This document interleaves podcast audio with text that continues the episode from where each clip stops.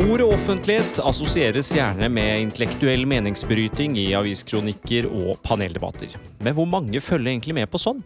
I rene tall går langt flere på kino, og enda flere blir teppebombardert av reklame på daglig basis. Slik var det allerede på begynnelsen av 1900-tallet også, og i denne episoden skal vi se hvordan det spiller nye filmmediet utløste moralsk panikk, mens reklamebransjen tidlig utviklet metoder for å lure seg inn i hodene på folk. Med meg i studio har jeg professor i medievitenskap Ove Solum og historiker Ellen Katrine Lund. Velkommen til eh, dere. Takk. Takk, takk.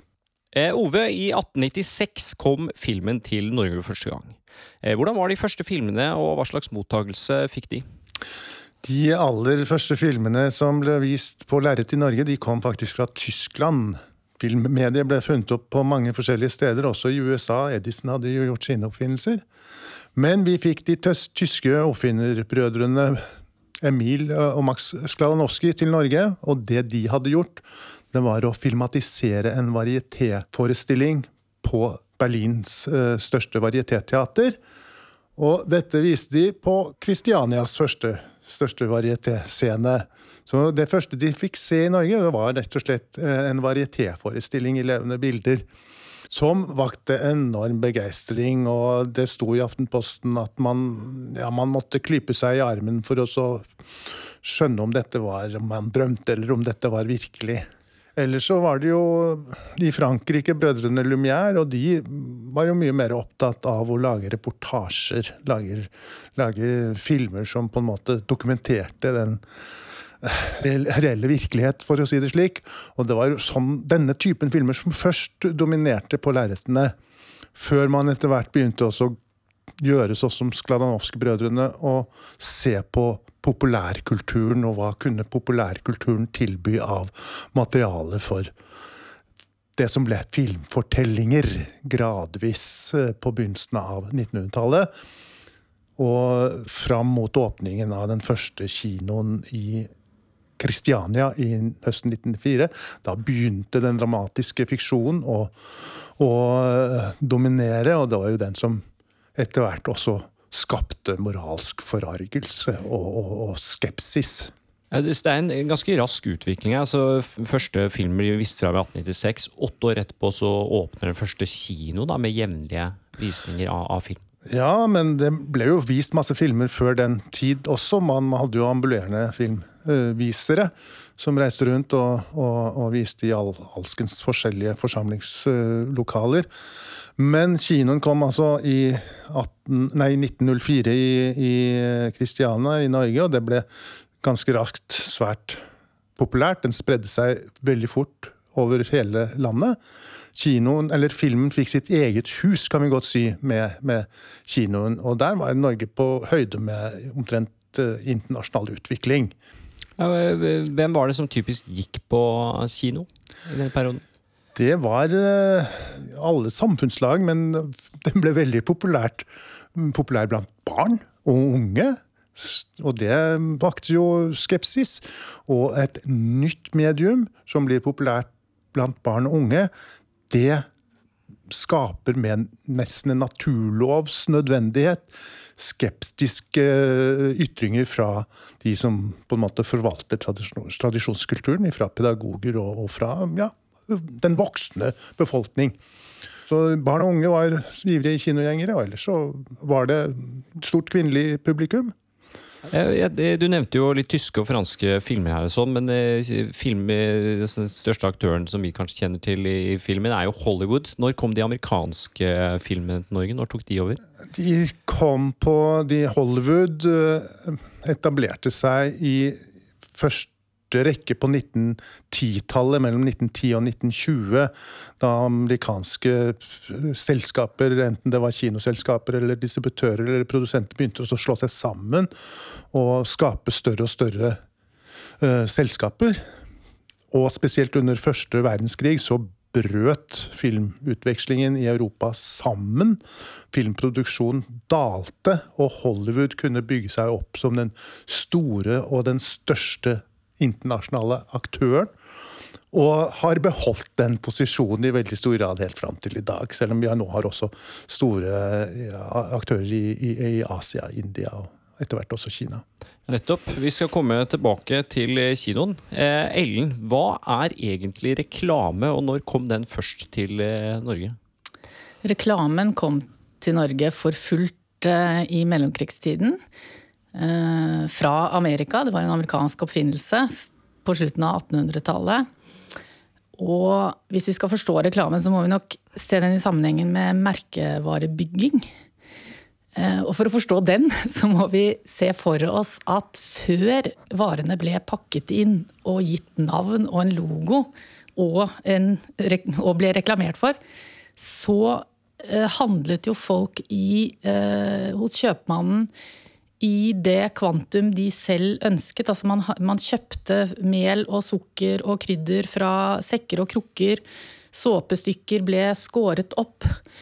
Og da hadde ikke, altså det var ikke navn på varene, og ingen brydde seg om det. Men så fant vareindustrien ut at de skulle pakke inn varene, gi dem navn. Og da oppsto det jo en konkurranse som, eh, om salg. Altså hvilken vare skulle man da kjøpe? Og det var i den forbindelse at reklamen oppsto. Og reklamen er jo noe annet enn annonser.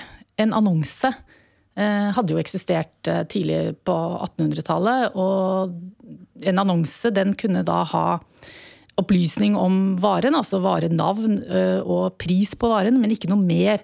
Og det reklame er, det er eh, Reklamen har et løfte om noe mer enn å bare opplyse om, om pris og vare. Så det er budskapet som gjør varen til det spesielle. Og de som var veldig tidlig ute her, det var uh, såpeindustrien. Men uh, hva slags løfter var det de ga som skilte seg fra tidligere annonsering? Et løfte er f.eks.: Med denne såpen så blir du vakrere, du blir renere og du blir lykkelig. Ja, det er et løfte som reklamen gir. Og når er såpebransjen begynner å spille på denne type løfter, da? Ja, det gjør de tidlig på 20-tallet. Altså I første omgang så var det vareindustrien selv som produserte reklame, men etter hvert så ble reklame profesjonalisert. Det var eh, noen menn som eh, trakk seg ut i egne bedrifter og lagde reklame for vareindustrien. Da. Og i Norge så er det en fyr som heter Robert Millar, som kom fra Irland.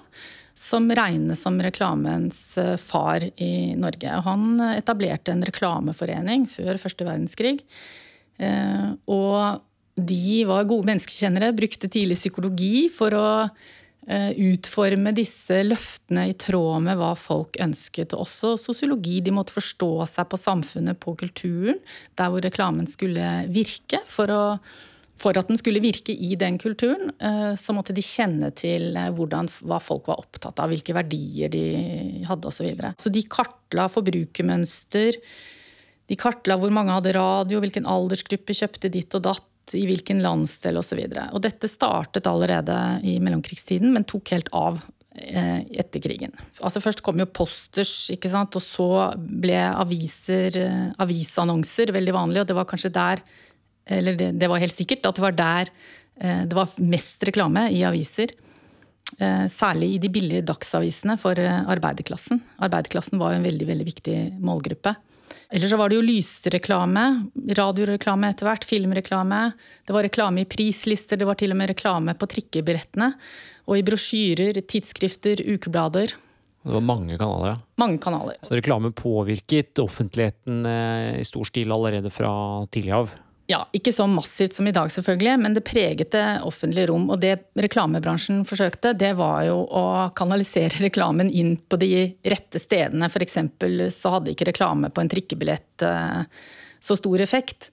Så det var det de som drev reklame profesjonelt, de var også opptatt av hvor er det eh, det er mest effektivt å reklamere for en vare. Mm. Eh, Ove, vi så skulle komme tilbake til kinoen. Du nevnte i sted at det var mange som var skeptiske til det som ble vist på lerretene. Eh, og i 1913 så kom det en rimelig streng og for oss eh, litt eh, smått absurd kanskje kinolov. Hva var argumentene mot kinofilmen, og hvem er det som kom med disse argumentene? I forkant så var det pedagoger. Sedelighetsforeningene var en sterk moralsk kraft i offentligheten i, i den perioden. Og sedelighetsforeningene hadde vunnet kampen mot prostitusjon, og nå var det ungdommen som skulle berges fra dette skumle, farlige mediefilm. Eh, nå det er mange eh, eksempler fra en veldig heftig avisdebatt, avisinnlegg, hvor man kunne dokumentere at man hadde sett hyppige avkledningsscener på kinoene. Det var mord, og det var kriminalitet. Og da skoleinspektør Svendsen i Trondheim hadde sett en kinoannonse i 1906 eller 1907, var det vel. Og annonsen, eller filmen, het 'Første natt efter bryllupet'. Da behøvde ikke skoleinspektøren å gå på kino. Og han skrev et rasende innlegg i eh, den lokale avisen og krevde forbud. Og det, denne protesten den bare akselererte i årene som fulgte, og det ble etter hvert også lokale sensurgrupper rundt omkring i landet. altså Det ble etablert sensurkomiteer på, på steder, og eh, det ble en ganske uoversiktlig situasjon, for en gang å godt si, og, og det var sedelighetsforeningene som henvendte seg til Stortinget eh, om eh, krav om at dette måtte komme inn i ordnede forhold. Og dette var ikke noe som var særegent for Norge. I 1911 um, så hadde Sverige innført nasjonalfilmsensur som det første landet i, i, i Europa. I Tyskland så var det lokale sensurordninger fra, i byene, fra by til by. Det kunne variere noe. Uh, og det hadde altså man sett i Norge, og man innså at den svenske modellen var egentlig ganske fornuftig. Man fikk en nasjonal sensur. Og det lille filmproduserende miljøet de applauderte dette med å få en, en, lokal, en, nasjonal sensurordning. Så slapp man alle disse lokale protestene. Nå kunne man på en måte få et slags nasjonalt godkjentstempel på filmene som de distribuerte på sine private kinoer. Men det var altså pedagoger og sedelighetsforeninger som sto i fremste rekke i kampen mot dette nye mediet, som de i første rekke var bekymret for, med tanke på barn og unge. Ja, og for moralen, da. Moralen, ja. ja. Er dette en form for slags kulturelitisme, eller er det mer en sånn kristenpietisme? Hvor kommer liksom denne moral, strenge moralfølelsen fra? Det kan være en blanding.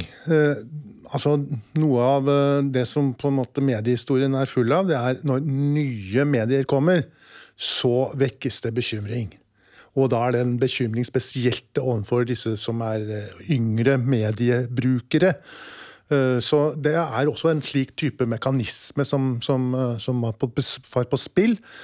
Men, men, det var på en måte de som så seg som voktere av tradisjonskulturen og den eh, offentlige moral, da, for å bruke et slikt ord, som, som eh, var de fri, eh, viktigste røstene som eh, krevde at nå måtte, måtte statens ta sitt ansvar. og man fikk altså lov om offentlig forevisning av kinematografbilder i 1913, som innførte en allmenn filmkontroll, filmsensur, forhåndssensur, rett og slett? Forhåndssensur av levende bilder. Så er, eh, etter 1913 så ble alle filmer forhåndssensurert. Så man kan gå til klipparkivene til eh, Statens filmkontroll, nå Medietilsynet, og så skal man se hva, som, hva de faktisk gjorde, disse første filmsensorene.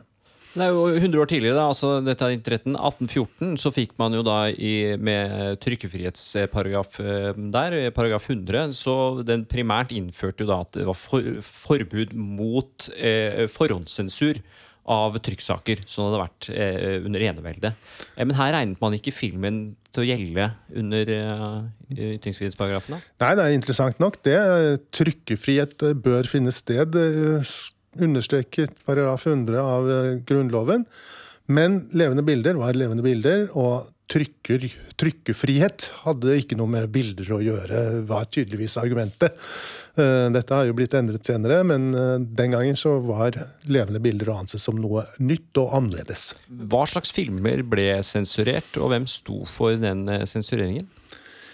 Det, de, den første filmsensoren, den, det var Arne Hallhjelm.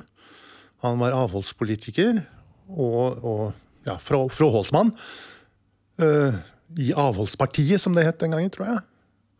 Men interessant nok så, en, så ble det balansert med Fernanda Nissen. Som jo uh, man kjenner som en uh, frilynt, radikal kvinnesakskvinne sosialist eller sosialdemokrat. Men hun ble også da ansett som den andre filmsensoren sammen med Arne Hallien. Så i det, det radarparet der så var det han som var den moralske tanta, kan vi si?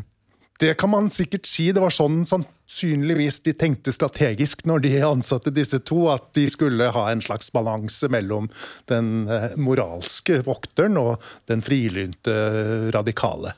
Men eh, hvordan, altså, Ta meg gjennom en arbeidsdag som de hadde. De, de to satt og så gjennom alle filmer som kom inn? De skulle se alt som skulle offentlig vises skulle de ha sett og kontrollert og eventuelt uh, forby. fordi at det var ingen aldersgrense til å begynne med, så de måtte da i og for seg ta hensyn til at hele, alle aldersklassegrupper kunne, kunne gå på kino. Hva, hva, er det de klippet bort, hva er det de ikke likte? Og hva er det de forbød totalt? Veldig mye morsomt, uh, morsomme historier. Jeg kan, kan sitere én historie fra Fernanda Nissen. og Denne, denne historien er hentet fra et filmtidsskrift. Og Der sier eh, Fernanda Nissen Forleden dag så jeg aldeles, en aldeles ypperlig badefilm. En ung, vakker kvinne fløy fram og tilbake på stranden og opp og ned i vannet. Så langt er alt vel og bra. Det var virkelig vakkert, uttrykker Fernanda Nissen. Men så skjer det noe som forstyrrer det hele. Plutselig dukket to herrer med monokkel opp. De kikket meget interessert på damen og gliste og lo. Dette likte ikke Fernanda Nissen. Det så motbydelig ut, beskriver hun. Dermed fraklippes de to herrer og deres blikk, og den unge, vakre kvinnen fikk bade i fred. Jeg vil tro at, eh, at, eh, mange ville hevde at den badende kvinnen var langt mer forstyrrende enn de to herrene med monokkel. Men eh, det mente ikke altså Fernanda Nissen. Men det som er kanskje mer viktig å tenke på, var vel at de bedrev politisk sensur av bl.a. nyhetsfilmer. De, de, sensurerte, spesielt under første verdenskrig, filmer som stilte en av de krigførende partene i et uheldig lys. Det skulle de forsøke å unngå. Norge var et nøytralt land, og det synes å hevde eh, at de hevdet at denne nøytraliteten også måtte finne sted på lerretene. Så det ble, ble, gjort mye, altså mange klipp og mye sensurering som gikk mm. langt utover denne sensurparagrafen. Ja. Og det ble sensurert ganske mye ja da. Veldig, veldig mye ble også både forbudt og, og, og, klippet eh, i. Og den siste, kanskje store eh, politiske sensurhendelsen fant sted på slutten av 1930-tallet, da de forbød en amerikansk eh, spionthriller. The Confession of a Nazi Spy. Og da var det altså den Tyskland man ikke ville fornærme. Å, oh, jøss. Yes. Interessant. Eh, Ellen, vi hører om sensur og moralske bekymringer eh, og kampanjer sånn mot eh, filmen. Var det noen tilsvarende reaksjoner eller noen statlige føringer som ble lagt på reklamen? Det var ikke noe utpreget sensur av reklame. Noe var det f.eks. For i forbudstiden så var det jo forbudt å reklamere for hetvin og brennevin. Og det førte jo til at det ble desto mer reklame for øl. Det var bedre, syns staten. Mindre alkohol i øl, så det var veldig mye reklame for øl. Eh, det kom en markedsføringslov lenge etter mellomkrigstiden i 1972.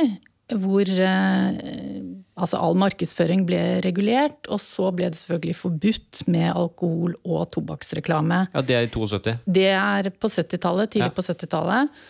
Og det kom også et forbud på 70-tallet, litt senere, mot kjønnsdiskriminerende reklame. Men i eh, mellomkrigstiden så eh, kom det masse reaksjoner mot reklame. Altså reklamen skulle jo overdrive, og eh, det reagerte folk på. Og de syntes dette var en amerikansk bløff og overdrevent skryt. Reklamen ga falske løfter om produktene. Så, og kjøpmennene de hadde absolutt ingen forståelse for sånn landsdekkende reklame. Eh, De tenkte at de kunne reklamere for eh, varene i butikken. Så det var, eh, var reaksjoner, og reklamebransjen selv stilte jo spørsmål på begynnelsen av 30-tallet. Hvor mye reklame tåler folk? Eh, Men Ellen, hvis vi beveger oss opp på 30-tallet, da var jo radioen det nye store. Hvor tidlig ute var eh, reklamebransjen på denne nye medieplattformen? Helt fra starten av. Det kom jo radio tidlig på 20-tallet, og da kom også eh, radioreklame. Og en litt artig ting her er jo at det vi kjenner som såpeoperaer på TV, det kom jo først på radio i form av altså fortellinger. Og det var det såpeselskapene som eh, finansierte. Så det var de som produserte disse fortellingene, og derav navnet såpeopera. Og da NRK fikk monopol på radio fra 1933, så kjørte de også reklame. Da ble reklamen først lest opp av det vi i dag kaller programverten, altså Hallomannen. Eh, Men etter hvert så kom det da egne innslag som var produsert av profesjonelle reklamefolk, med skuespillere, musikk og lydeffekter. Eh, 30-tallet var jo en eh, turbulent tid, eh, både økonomisk eh, og politisk, eh, som kjent. Og mm, med da lydfilmen muligheten for å tale direkte til massene på den måten. Var det mange som var nervøse for eh, det politiske budskapet i filmene? Det var det. Eh, propagandafilmer er jo også noe som skriver seg fra denne perioden. Eh, både fra den, den nye sovjetstaten og etter hvert også fra Tyskland. Og de, Arbeiderpartiet var tidlig ute med å ta i bruk film som et medium i, i, i, i ja, deres både opplysningsarbeid, men også i deres politiske eh, virksomhet. Og Folkets hus-bevegelsen de var jo et yndet sted også for disse filmframvisningene. Som eh, ble et ganske stort eh, antall, og fikk en ganske markant posisjon, spesielt på 1930-tallet. Det som er litt interessant når det gjelder eh, politikere, er at reklamebransjen de prøvde jo å invitere politikere i mellomkrigstiden tidlig på 1930-tallet til eh, seminar for å lære dem å få frem budskapet sitt tydeligere. De syns eh, politikerne var noen rene amatører. Men det var ikke så veldig mange som stilte opp på det seminaret. Oskar Torp fra Arbeiderpartiet var den eneste. Å ja, de hadde ikke helt skjønt det å drive valgkamp og drive og teppebombe med flyers og sånn ennå? Nei, det kom mye senere. Så jeg tror de tenkte på reklame som noe som tilhørte noe annet. Uh, vareindustri. Så den uh, Altså disse filmene det, det, det tror jeg de tenkte mer på som opplysning, og at dette hadde de kontroll på. De visste hvordan de skulle fremme sitt budskap. Mens disse reklamemennene, de mente jo noe annet. Jeg tenkte vi må prate litt om kjønnsrolle her. Ja. Det er jo et tema både for eh, reklame og film. Hvordan ble kvinner og menn fremstilt på lerretet og plakatene? Ja, altså Fokus på kvinners utseende det har vært eh, sterkt til stede i reklame fra 20-tallet. Eh, Du har på en måte to stereotyper. Flapperen, som ofte var tegnet i en silhuett. Eh, jeg har ikke sett eh, så mye flappere eh, i virkeligheten, hadde jeg nær sagt. Altså fotografert eller på filmer. Da var det gjerne husmoren, og hun var ikke lettkledd. Det var hun definitivt ikke. Det blir jo reklamert for veldig mye såpe og ja, vaskemidler osv., men ikke noe særlig sminke. Selv om de som ble fotografert, var sminket. Men sminke det ble forbundet med prostituerte. Og dette som eh, Ove var inne på i sted med monokkel, det er ganske interessant. Det ser vi i mye reklame, dette kritiske blikket på kvinner. Og da kunne man bruke den type effekt, altså at det er en mann som sitter med en sånn monokkel. Det er da altså en halv brille, ikke sant. Og så eh, er, har han en sånn tilskuerrolle, ikke sant? så han observerer kvinnen. Sånn at hun skal vite at hun hele tiden har et kritisk eh, blikk på seg. Det er en kikker, rett og slett, i En reklamen. kikker, ja. Og det, den type ting eh, eh, kom Altså dette, dette at man hadde en, en, en kikker med monokkel eller en eller annen ukjent tilskuer, eller at kvinnen var avbildet og så så man et speil, sånn at hun hele tiden skulle være oppmerksom på at det er noen som ser på deg. Da. Og i en reklame for eh, silkestrømper så var da teksten 'Når du danser er ankelen og leggen utsatt for kritiske blikk'. Mer enn ellers. Derfor skal du fremheve leggens skjønnhet ved å bruke slipper heel silkestrømper. Så det var ganske uttalt at det er noen som ser på, ser på deg, så du må Ja, på en bruke måte dette mye mer produktet. enn, i, mer enn i dag. Ja, mer eksplisitt enn i dag. I dag er det jo litt mer eh, subtilt, men det er jo, er jo absolutt eh, til stede. Til og med en reklame for Philips lyspære, så var det altså en sånn herre med monokkel ikke sant, som betrakter en kvinne. Så kvinner ble jo brukt som objekter i, i reklamen helt fra, helt fra begynnelsen av. Og poenget, eller budskapet var jo ofte du blir en bedre utgave av deg selv ikke sant, hvis du bruker dette. Har du ikke det tilstrekkelige vakre utseendet, så ta i bruk Lux eh, såpe. Ni av ti Philips-stjerner bruker den, så hvis du bruker den, så blir du som en filmstjerne. Spiller jo på dårlig selvtillit, nærmest. da. Ja. Ja. Og på unghet. Altså dette at, eh, at det er de unge som er avbildet, det er jo ikke noe nytt. Det var det på 20-tallet også. Og dette ser du jo selvfølgelig på film også. Eh, man snakker om eh, eh, visual pleasure, for å bruke et eh, slikt ord. Og da er det jo ofte den kvinnelige skuespilleren som er kilden for denne visuelle eh, nytelsen. Og det er det jo skrevet masse om i, i filmlitteraturen. Eh, Visual pleasure and narrative cinema eh, er en sånn artikkel som ofte, det ofte refereres til, og som på en måte viser til hvordan, hvordan den mannlige, mannlige posisjonen har vært den foretrukne gjennom filmhistorien fra begynnelsen og helt fram til eh, de moderne filmene. Så det er jo ingen, eh, ingen hemmelighet. Og der vil man se Altså Flapperen er jo også en karakter i, i film, filmhistorien. Eh, Du har jo noen andre interessante kvinnelige skikkelser også. Fam fatalen fra 40-tallet er jo en langt mer mangfoldig og, og tvetydig karakter som er vakker, men ikke nødvendigvis snill og god. Eh, Så der får du en litt mer eh, diffus eh, kvinneskikkelse. Men ellers så er jo filmhistorien fulle av slike portretteringer av kvinner for visuell lyst og glede. Ja, og det som, er, som vi kanskje ikke er klar over i dag, er jo at idealet var jo å være slank også på 20-tallet. Og kvinnelige attributter skulle jo tones ned. Det ble reklamert for slanking og dietter. Og altså, damenes figur skulle gjerne ligne en gutt. Og Dagbladet skrev om desperate kvinner som lot eh, kirurger skjære bort deler av bryster eller hofte og bakdel. Holdt de på med det da? Ja da, Og de mer eh, moderate kvinnene da, de var jo på evige slankekurer. Og korsettet, det ble det forsvant, men det ble altså byttet ut med selvkontroll og kroppsdisiplinering og forme seg selv. Og dette spilte jo reklamen på, ikke minst eh, sigarettreklame. Den, eh, ta deg en sigarett, og du fjerner søt, eh, søtsuget. Så mm, reklamen spilte opp til det, både gjennom tegninger, mye tegninger av disse slanke, gutteaktige kroppene. Eh, og reklamen tok opp i seg dette idealet, eh, og kanskje spilte det ut i samfunnet igjen, og forsterket det selvfølgelig. Men jeg, jeg har hørt det at, eller jeg leste et sted at det var en del damer som dansa. Det kunne bli klippet bort, og de hadde noen eksempler på titler. Det var eh, Those Who Dance, eller Children of Jazz, eller Open All Night var titler på filmer som ble totalforbudt. Ja, det erotiske dansescener var skumle i tidlig eh, filmhistorier, og der er det ganske ja, nesten morsomt å tenke på at de første fiksjonsbildene vi har i norsk filmhistorie, er bilder av erotiske dansescener.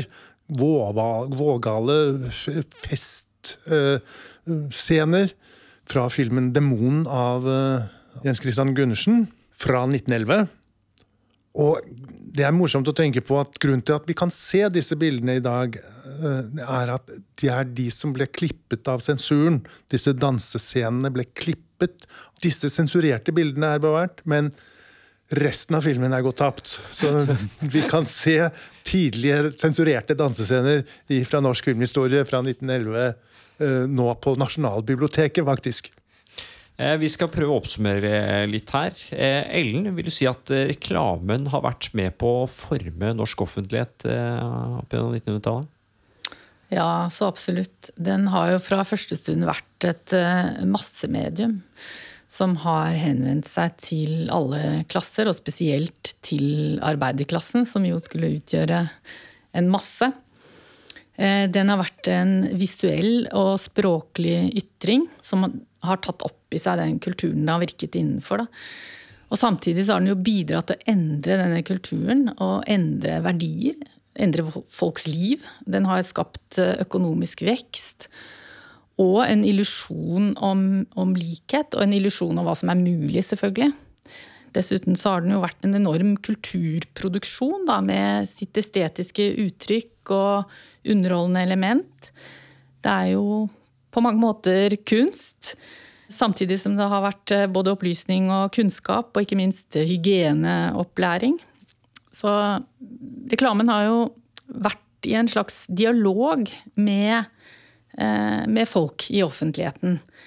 Og om varene som eh, selges, men, men da også om livsstil og om, om samfunn. Det er kanskje og, her et ord som mote kommer inn, da? Hvor dette møtes litt? Ja. Markedsføring og kultur og livsstil og sånn? Ja, og den har eh, skapt eh, offentlig debatt. Ikke så mye i mellomkrigstiden, men eh, i nyere tid. ikke sant? Med Hennes og Maurits bikinireklamer f.eks. Så sånn sett så virker jo reklamen i offentligheten, og vi forholder oss til den. Vi glemmer den innimellom, men den er der, og den påvirker oss. Og den representerer idealer vi ikke alltid er så begeistret for. Eh, men som vi allikevel eh, lar oss påvirke av. Mm. Eh, Ove, du var innom det i stad. Men det er liksom flere av de innvendingene som ble reist mot kinofilmen i 1913, minner liksom sterkt om motstanden mot fjernsynet på 60-tallet, mot dataspill i nyere tid. Det er ikke bra for barna, de kommer til å bli voldelige, etc., etc. Hva er det med nye visuelle medier som provoserer så, så sterkt? Det er fordi det er nytt. Og fordi det fascinerer. Og det fascinerer veldig ofte unge brukere. Internett skulle man jo i hvert fall ikke ha hjemme hvis man hadde små barn. Jeg fortalte en slektning at jeg fikk internett hjemme tidlig på 1990-tallet. Og han reagerte med Men du har jo små barn, jo! Du kan da ikke ha internett, da! Så det, er en mekanisme som følger uh, introduksjonen av nye medier. Nye medier gir grobunn for skepsis. Og For filmens vedkommende så ble jo det veldig fort et av de mest populære uttrykksmediene. Det ble et veldig stort, populært massemedium som uh, utfordret da Eller ble sett på som utfordrende fra tidlig av. Og dette ga utslag i rett og slett en statlig filmkontroll i 1913. Ove Solum, Ellen Katrin Lund, tusen takk til dere. Tusen takk. Tusen takk. Du lyttet til serien Medienes stemmer og maktens sensur, produsert av Norgeshistorie ved Universitetet i Oslo. Mitt navn er Anders Brenna, og ansvarlig for denne serien er Ellen Katrine Lund.